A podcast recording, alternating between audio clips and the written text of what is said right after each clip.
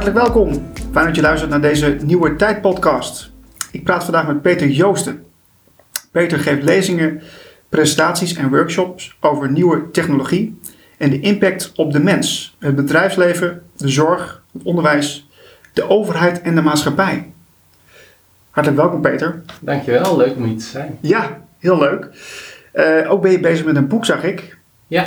De toekomst van de maakbare mens. Ja, nou eigenlijk uh, de, de titel is inderdaad uh, is biohacking en ondertitel De toekomst van de maakbare mens. Ah, oké. En dat komt um, in augustus slash september 2018 uit. Oké. Okay. Ja, klinkt als een druk bestaan als ik dat allemaal zo oplees. heb je nog een beetje tijd over om te experimenteren met technologie? Uh, jawel, ja, dat gaat nog steeds goed hoor. Dus uh, dat wisselt een beetje, maar ik, uh, als het even kan, dan probeer ik nieuwe apps uit of nieuwe technologieën uit. Ik krijg ook veel dingen toegestuurd, dus die ik dan nog gaan testen. Dus ja. ik blijf experimenteren. Oké. Okay. nou, deze podcast gaat eigenlijk over de snel veranderende samenleving waar we in zitten. Um, ja, jij bent bezig met biohacking. Kun kun je in een paar zinnen uitleggen wat het eigenlijk is? Ja, biohacking is een best wel brede term, dus het is nog niet goed gedefinieerd. Uh, in mijn boek doe ik daar wel een poging toe, maar eigenlijk is het een heel breed spectrum. Dus aan de ene kant kun je biohacking zien als uh, jezelf verbeteren met middelen en technologie die er op dit moment al is. Mm -hmm. Denk aan uh, ijszwemmen of denk aan technieken zoals intermittent fasting, dat je een periode niet eet of dat je bepaalde supplementen slikt voor je gezondheid of voor je cognitie. Maar aan de andere kant, en die term, of die kant vind ik eigenlijk nog interessanter, gaat het echt om mensverbetering. Dus uh, ik haal graag de anekdote aan van Bill Gates. Hmm. Die werd een paar jaar geleden geïnterviewd en die vroeg, aan hem werd gevraagd van, oh Bill Gates, wat zou je nou doen als je jong zou zijn? En toen zei hij van, ik zou niet gaan hacken in computers, in hardware of software, maar ik zou hacken in de biologie, eigenlijk in de wetware, zoals ik het uh, graag zeg. En je ziet nu bijvoorbeeld door ontwikkelingen zoals CRISPR-Cas9, dus een vorm van genetische modificatie en andere ontwikkelingen op het gebied van biotechnologie en synthetische biologie, dat we steeds beter in staat zijn om eigenlijk echt letterlijk het, de biologie te hacken. Dus vandaar biohacking. Aha, oké. Ja, heel interessant fenomeen. Nou, ik, ik, heb ook je website even bezocht uh, onlangs. En uh, toen ik een aantal experimenten van jou doornam op de website, toen kwam ik er eigenlijk achter dat ik uh, zelf ook ongemerkt bezig ben geweest met verschillende thema's. Dan moet je denken aan uh, mediteren, uh, meer water drinken, minder vlees eten. En ja, dat heeft dus niet altijd met technologie te maken. Nee. En, en zijn we dan als individu niet ongemerkt veel meer bezig met gezonde leven dan we doorhebben? Um, ja, zo zou je het wel kunnen zeggen. Dus biohacking is ook een label die je op dingen kan plakken die we sowieso al in ons als mens zitten. Om onszelf te willen verbeteren, om af te slanken, of om sterker te worden, om sneller te worden, of om socialer te worden, weet ik veel wat. Maar het verschil met biohacking is dat we nu eigenlijk in staat zijn om dat A, veel beter te meten. Dat wordt ook al de quantified zelf genoemd. Dus dat je allemaal apps en gadgets hebt om bijvoorbeeld te meten hoe, nou, je noemde net hoe goed je mediteert of bijvoorbeeld glazen water je drinkt, dat soort dingen. Mm Een ander verschil is dat we ook technologie steeds meer hebben om direct al daarop in te grijpen, om een soort van shortcuts te maken. Zoals we het voorbeeld van mediteren hebben. Dan kun je dat dus A meten, maar er is ook bijvoorbeeld een vorm van technologie dat je met zwakstroom op je hersenen zet. Dat je dan in één keer sneller in die staat van uh, ontspanning zit. Dus dat is echt zeg maar direct hacken van, uh, van je meditatie. En zegt het dan ook gelijk iets, uh, kijk als je dan snel, je zegt sneller in die, in meditatieve stand bent, maar betekent dat ook dat je, je gedachten dan gelijk weg zijn? nee, helaas of gelukkig moet je nog wel di zelf dingen doen. Alleen het, het geeft je net even dat, dat, ja, hoe zeg je dat? Dat steuntje in de rug om, om sneller in die meditatieve staat te zijn. Mm -hmm. Maar het is wel een van de dingen waar ik vaak over nadenk van ehm, technologie helpt ons heel veel. Maar wat betekent dat dan voor ons als mens? Uh, moeten we dan nog wel eens dingen zelf doen? Of als je het heel ver doortrekt, stel je voor dat, en dat zijn visies die er ook zijn, van over 100 jaar of misschien al wel sneller hebben we zeg maar een chip in ons hoofd en dan kunnen we zeg maar direct dingen downloaden, zoals in de film The Matrix. Wat, wat blijft er dan over van je best doen of naar school gaan of dat soort dingen? Dus, ja. Uh, ja. ja. wat, wat interessant is om over na te denken. We hebben heel veel zaken, heel veel technologie hebben we al geïntegreerd in ons leven. En um, als het eenmaal uh, met elkaar verwoven is, dan uh, is het soms na een langere tijd niet meer goed te, te zien van wat is nou nog menselijk. Want we denken van nou, uh, s ochtends het eerste wat we doen, tenminste wat veel mensen doen, is hun telefoon checken of de radio aanzetten of nou, noem maar op, dat soort gewoontes zijn er ingeslepen. Maar eh, was 100 jaar geleden was dat niet zo. En nu, nu zeggen we, alle, dat, dat doe je gewoon. Dat is toch, eh, dat, dat doet iedereen toch? Dus gewoon normaal gemeen goed. Dus dat soort zaken. Dus wel interessant om te kijken van, ja, in hoeverre is dat nog gewoon? Is het gewoon of is het een aangeleerd patroon? Ja, nee, absoluut. En eh, dat doet me denken aan. eh, ik doe nu ook een eh, andere podcastreeks eh, voor BNR en Financieel Dagblad met eh, professor Peter Paul Verbeek van de Universiteit van Twente. En hij heeft wel een hele interessante visie daarop. Want hij zegt van eigenlijk zijn we als mens zijn wij het minst geslaagd van alle diersoorten. Maar we hebben dat eigenlijk opgelost door het gebruik van technologie. Dus het gebruik van technologie in ons leven als mens, of het nou een mes of een wiel of een eh, bril of wat dan ook is, is Ja. eigenlijk wat ons mens maakt. Ja. Precies wat je zegt, we passen ook constant ons gedrag daarop aan. Ja, ja dat is een interessant gegeven. Ehm, hoe lang ben je eigenlijk al bezig met, dit, eh, met biohacking? Ehm, het kwam bewust op mijn pad, denk ik, eh, drie à vier jaar geleden. En daarvoor was ik vooral bezig met Quantified Self. Dus wat ik net zei, dat meer het, het, eh, het meten van dingen en, eh, en het monitoren. Mhm. En op een gegeven moment kwam in een Amerikaanse podcast, of en rond die tijd werd ook het eerste evenement in eh, Helsinki georganiseerd, het Biohacker Summit. En toen kwam ik het ook wat vaker tegen en toen dacht ik van wauw, dit, eh, ja, dit, spreekt me aan. Ja. Dus, eh, ja, zo lang ongeveer. Nou, het is wel gaaf dat je het zelf onderzoekt. Hè? Dat, eh, dat vind ik wel tof.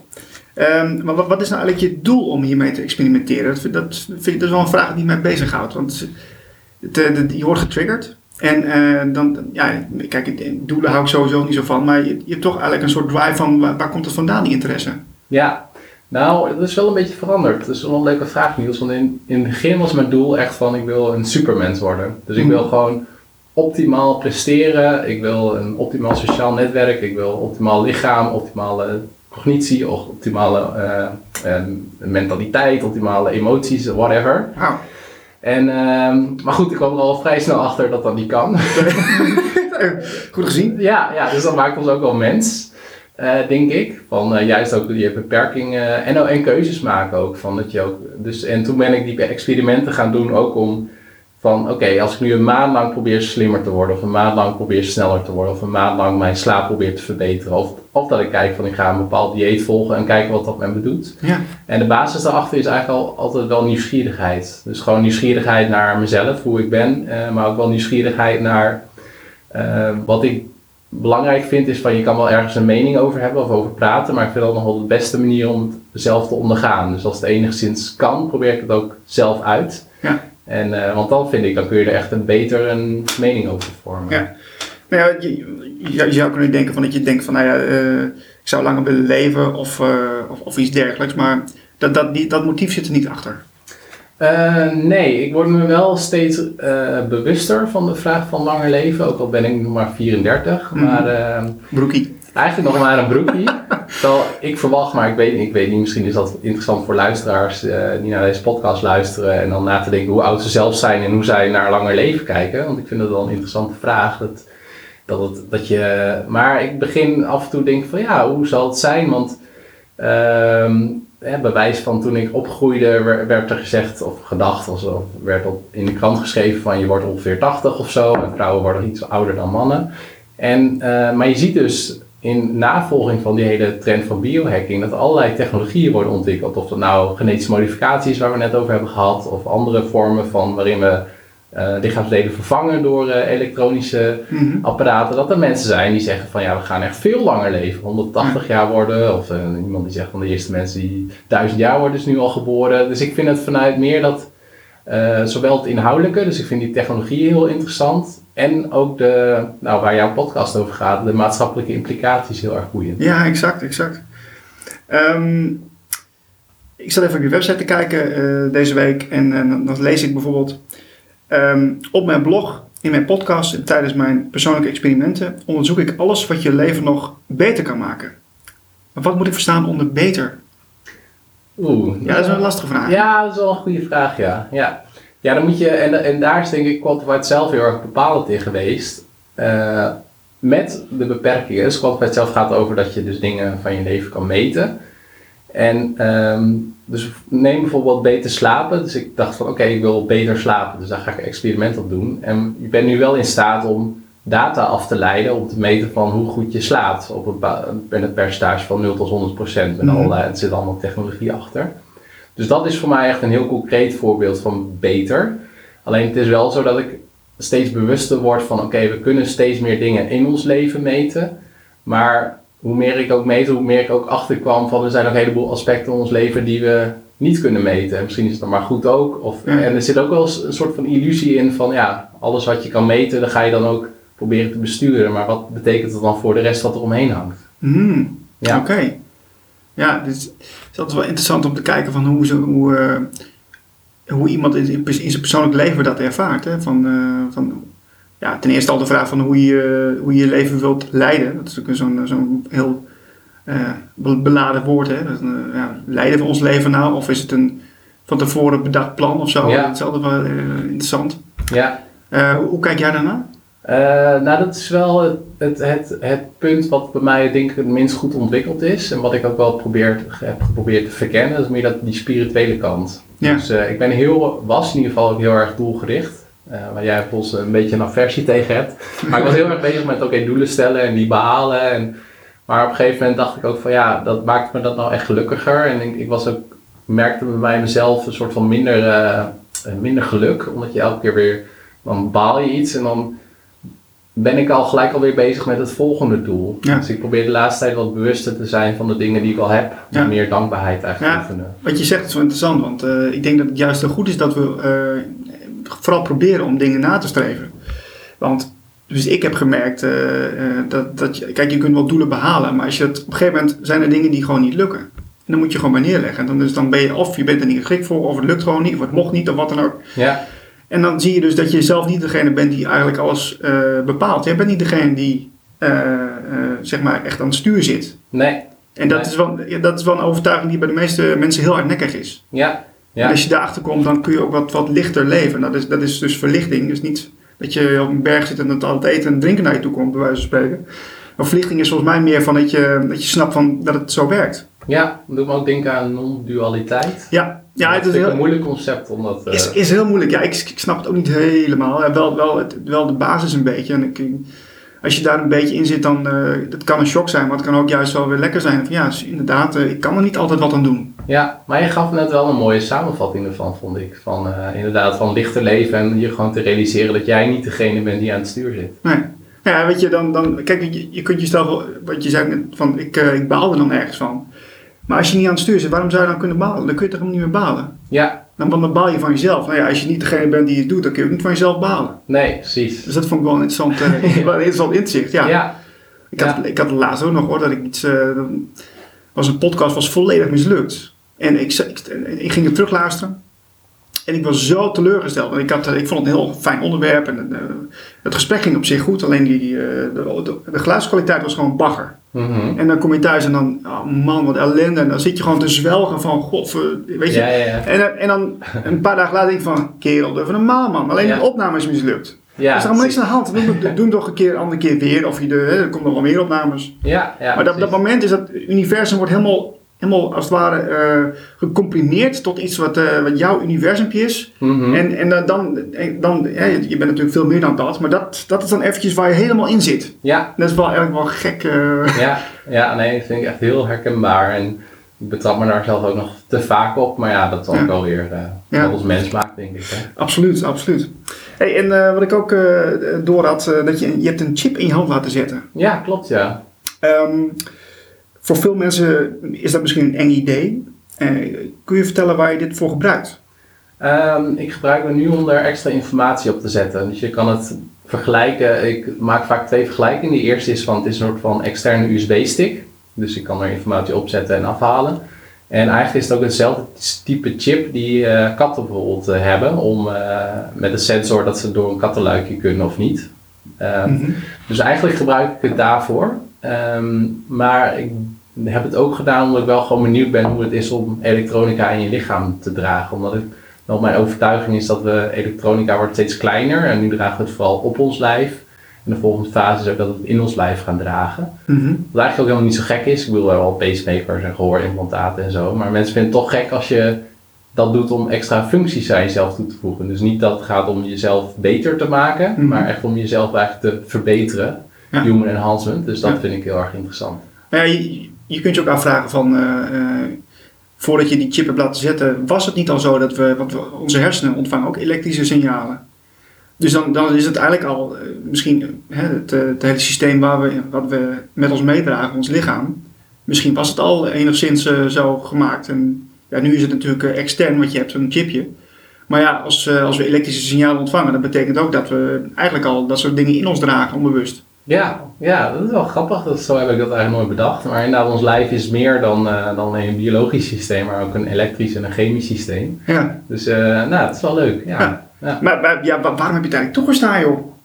Eh, ook uit nieuwsgierigheid weer. Ja. En omdat ik, ik heb me wel goed laten voorlichten hoor. Dus ehm, een van de dingen is van nou, ik wil niet dat er dat de kans eh, aanwezig is dat er eh, metalen uitlekken of andere soorten dat het invloed heeft op mijn lichaam. Dus er zit ook eh, heel sterk glas omheen als het ware. Mhm. En het tweede waar ik nieuwsgierig naar was van ja, kom ik nog wel door de douane heen Oh ja. eh, op het vliegveld? Ja. Nou, dat was ook zo en ik heb dat een aantal keer gedaan en dat gaat allemaal prima. Ja. En derde was ook van, nou, als ik wil, kan die er ook zo weer uit. Dus, eh, dus er is wel een soort van fallback optie in. Ja. En eh, dus vandaar dat ik dacht van, ja, het risico is niet zo groot en ik kan nog terug.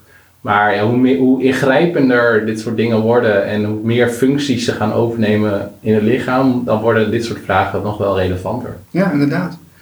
Wat, wat, wat is hetgene wat je nu, ehm, waar je nu mee bezig bent? Ehm, ik ben nu bezig met LSD microdosing. Oeh, klinkt spannend. Dus eh, ja, het is niet helemaal LSD trouw- trouwens, maar je hebt eh, ALD52. Dat is een legale variant van LSD, heb ik me laten vertellen. Oké. En het idee, dat wordt ook veel toegepast, in ieder geval in, eh, in Amerika, Silicon Valley, waar ik toch wel een beetje naar kijk, naar de- voor dit soort ontwikkelingen.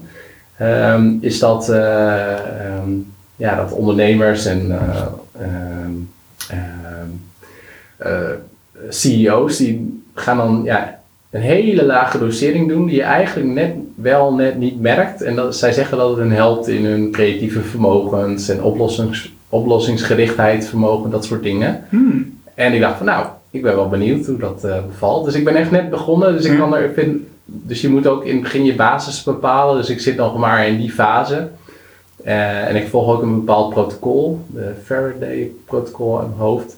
Dus ik ben er echt net mee begonnen, maar laat wel zien dat ik eh, ja, eigenlijk van alles probeer. Ah, spannend. Maar hoe, hoe breng je, dat neem je in of zo dan? Of Het zijn eh, druppels. druppeltjes? Ja, ja, ik ben ook, eh, dat is met alcohol is dat dan ehm, eh, vermengd. En dat zorgt dan dat je wat nauwkeuriger je dosering kan bepalen. Want, en dat doe ik dan in water en dat, dat drink ik 's ochtends op rond een uurtje of tien.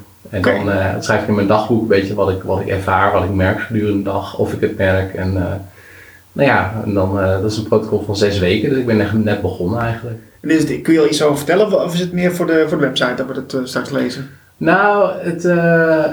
Ik ben benieuwd wat je dan al ervaren hebt. Ja, ik heb wel het idee, maar dat, was wel met een, dat ik echt wel wat, wat, wat creatiever word. Maar dat vind ik nog.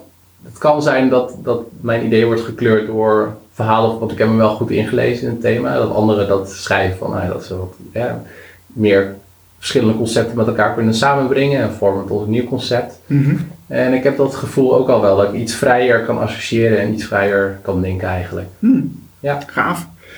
Hey, nu heb je verschillende persoonlijke experimenten gedaan, eh, die je dan één maand lang hebt eh, volgehouden. Je hebt bijvoorbeeld eh, geëxperimenteerd met eh, eten, slapen, seks en bewegen. Eh, welk experiment zou je iedereen aanbevelen? Welk ex- nou, ik zou nog beginnen. Ik zou iedereen aanbevelen om een experiment te doen. Dus maakt niet uit wat. Dus, want dat is denk ik wel een van de. Ja, als we het hebben over gedrag. Dus ik voor een tijdje terug zei je van ja, er zijn wel een heleboel automatische gedragen, Ja. gedragingen met technologie. En een van de dingen waar die persoonlijke experimenten mij mee helpen is even los te komen van mijn automatische gedragingen. Dus ik was bijvoorbeeld heel erg gewend aan eh, s ochtends eh, drie koppen koffie drinken of zo. Als je dan even een maand dat niet doet, ook al is het maar een week, dan, ja, dan is er gewoon even een reset. Dus ik zou, dat zou echt het belangrijkste zijn. Ga gewoon iets doen waarvan je denkt van nee, dat eh, ga een tijdje zonder iets proberen. Dus zonder koffie, alcohol, vlees of whatever. Of ga iets wel doen. En dan zou ik, waar we het ook al over hebben gehad, zou ik echt beginnen met mediteren. Ik merk dat dat, dat mij best wel veel oplevert. Ja. Qua eh, focus, aandacht en, Ja, en overzicht. maar dit is, er zit ook wel vaak een stukje ehm, durf bij. Want eh, mediteren ben ik het helemaal met je eens hoor. Ik heb de, toen ik een paar jaar geleden ben begonnen met mediteren, toen vond ik dat in het begin gewoon eng. Dat je gewoon, dan moet je ergens, sowieso moet je ergens een, een, een rustige plek opzoeken. Ja. Dat is al één. Daar moet je tijd voor nemen. Ja. En, eh, en dan, dan begint het pas. Dan ga je dus zitten en dan op een gegeven moment komt er een gedachte binnen van, doe eens even normaal. Ja. Je, waar- waarom, je gaat, kunt toch beter even wat leuks gaan doen. Waarom, waarom, waarom investeer je hierin? En Ja. zie je wel, en na twee minuten, dit, dit, toch helemaal niks op dit. Dit schiet toch niet op. En dat is dus juist het, hetgene waar je doorheen moet. Dat je dan op een gegeven moment die gedachten kwijtraakt. En dat je op een gegeven moment in die diepere staat komt. En dan ga je na een tijdje merken dat het rust geeft. En eh, nou ja, dat, dat er misschien sensaties komen, et cetera, et cetera. Ja. Maar dat is, er zijn zoveel, zoveel eh, eh, voor, voor de moderne mens, zoals, zoals men dat denkt te zijn, eh, zoveel obstakels om daar toe, te, toe te komen. Absoluut. Ja. Dat is maar een voorbeeld. Hè? Ja. Ja. Maar ook eh, bijvoorbeeld, eh, wat ik ook ervaren heb, is met koffie drinken. Ik was echt een, echt een koffiezuiper, jongen. Echt, want ik kon, nou, negen bakken op een dag haalde ik wel, makkelijk. Zo. En nu eh, eh, vier, Ja. eh, s ochtends en s avonds. En Ja. smiddags niet meer. Nee, precies. Ja. Nee. nee. Nou, dat zijn wel mooie voorbeelden. En nog wel een aanvulling wat je zegt over mediteren. Wat ik wel merk is, ik ben zeg maar heel optimistisch over de toekomst en over de technologie. Maar wat ik wel merk is dat ehm, technologie ook wel de neiging heeft om die vrije ruimte op te vullen. Dus ik heb al echt bewust bijvoorbeeld mijn Instagram eh, app van mijn telefoon gehaald. Ja. En ook Facebook en Twitter. Omdat ik merkte dat ik gewoon ja, anders gewoon echt een beetje doelloos aan het scrollen was. En dat, eh, dat mediteren is al echt een heel bewust moment in de dag dat ik probeer om echt even, ook, ook al lukt het mediteren niet, maar dat ik gewoon even, ik heb heel erg de neiging om altijd bezig te zijn, om altijd informatie tot me te nemen. Of dan nou, ook als ik ergens loop, dan ga, wil ik weer een podcast luisteren en zo. Altijd nuttig te zijn. En in ieder geval mediteren, dan heb ik nog iets van, eh, nou, weet ik ook wel dat het ergens nuttig is, maar in ieder geval even wel de rust in mijn kop. Ja, die, vaak eh, dat zeggen ze wel eens, hè, van de, de, de creativiteit komt vaak op het moment dat je niks doet. Dat je Ja. echt alles laat vallen. Dat je misschien een half uurtje uit het raam staat te kijken en denkt van ja, waarom zou ik dat doen? En dan komt er opeens een fantastisch idee, Ja, klopt. bijvoorbeeld. hè. Dat, Ja. dat vind ik wel een geinige weetjes om dat zo eh, te hebben. Ja, ja. Ehm, weet je toevallig ook of er experimenten zijn die schadelijk kunnen zijn voor de gezondheid? Nou, een van de dingen die, ehm, eh, die mensen vaak tegen me zeggen, die weten dat ik persoonlijke experimenten doe, die zeggen van ja, ken je die ene film met eh, Super Size Me? Ik zeg ja, die ken ik. Dat was dan eh, van Morgan Spurlock die dan voor 30 dagen, s ochtends, middags en s avonds bij de McDonald's ging eten. Oh, En er werd aan hem gevraagd voor je super size, moest hij ook altijd ja zeggen. En er waren nog andere, hij, hij mocht zoveel meter per dag lopen, want dat is hoeveel Amerikanen gemiddeld lopen en zo. mhm.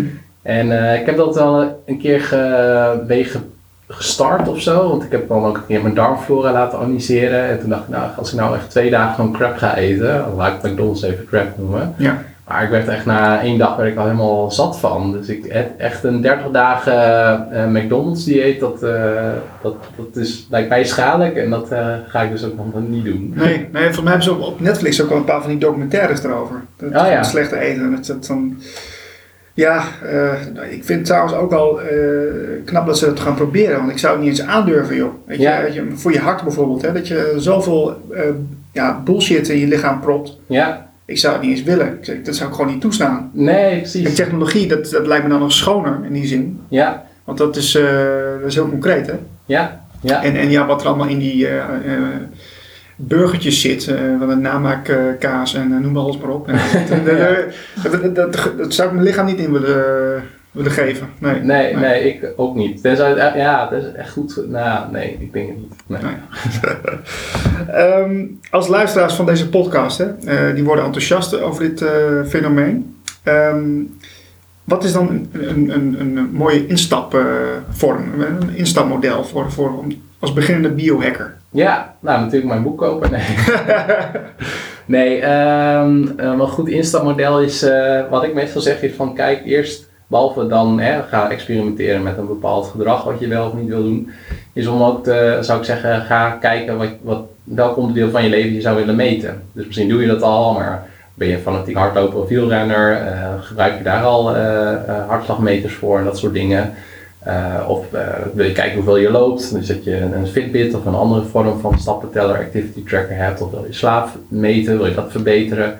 Nou, ik zou daar gewoon in ieder geval mee beginnen en dan eh, klein- kleine experimentjes doen om te kijken hoe je die scores kan verbeteren. Oké.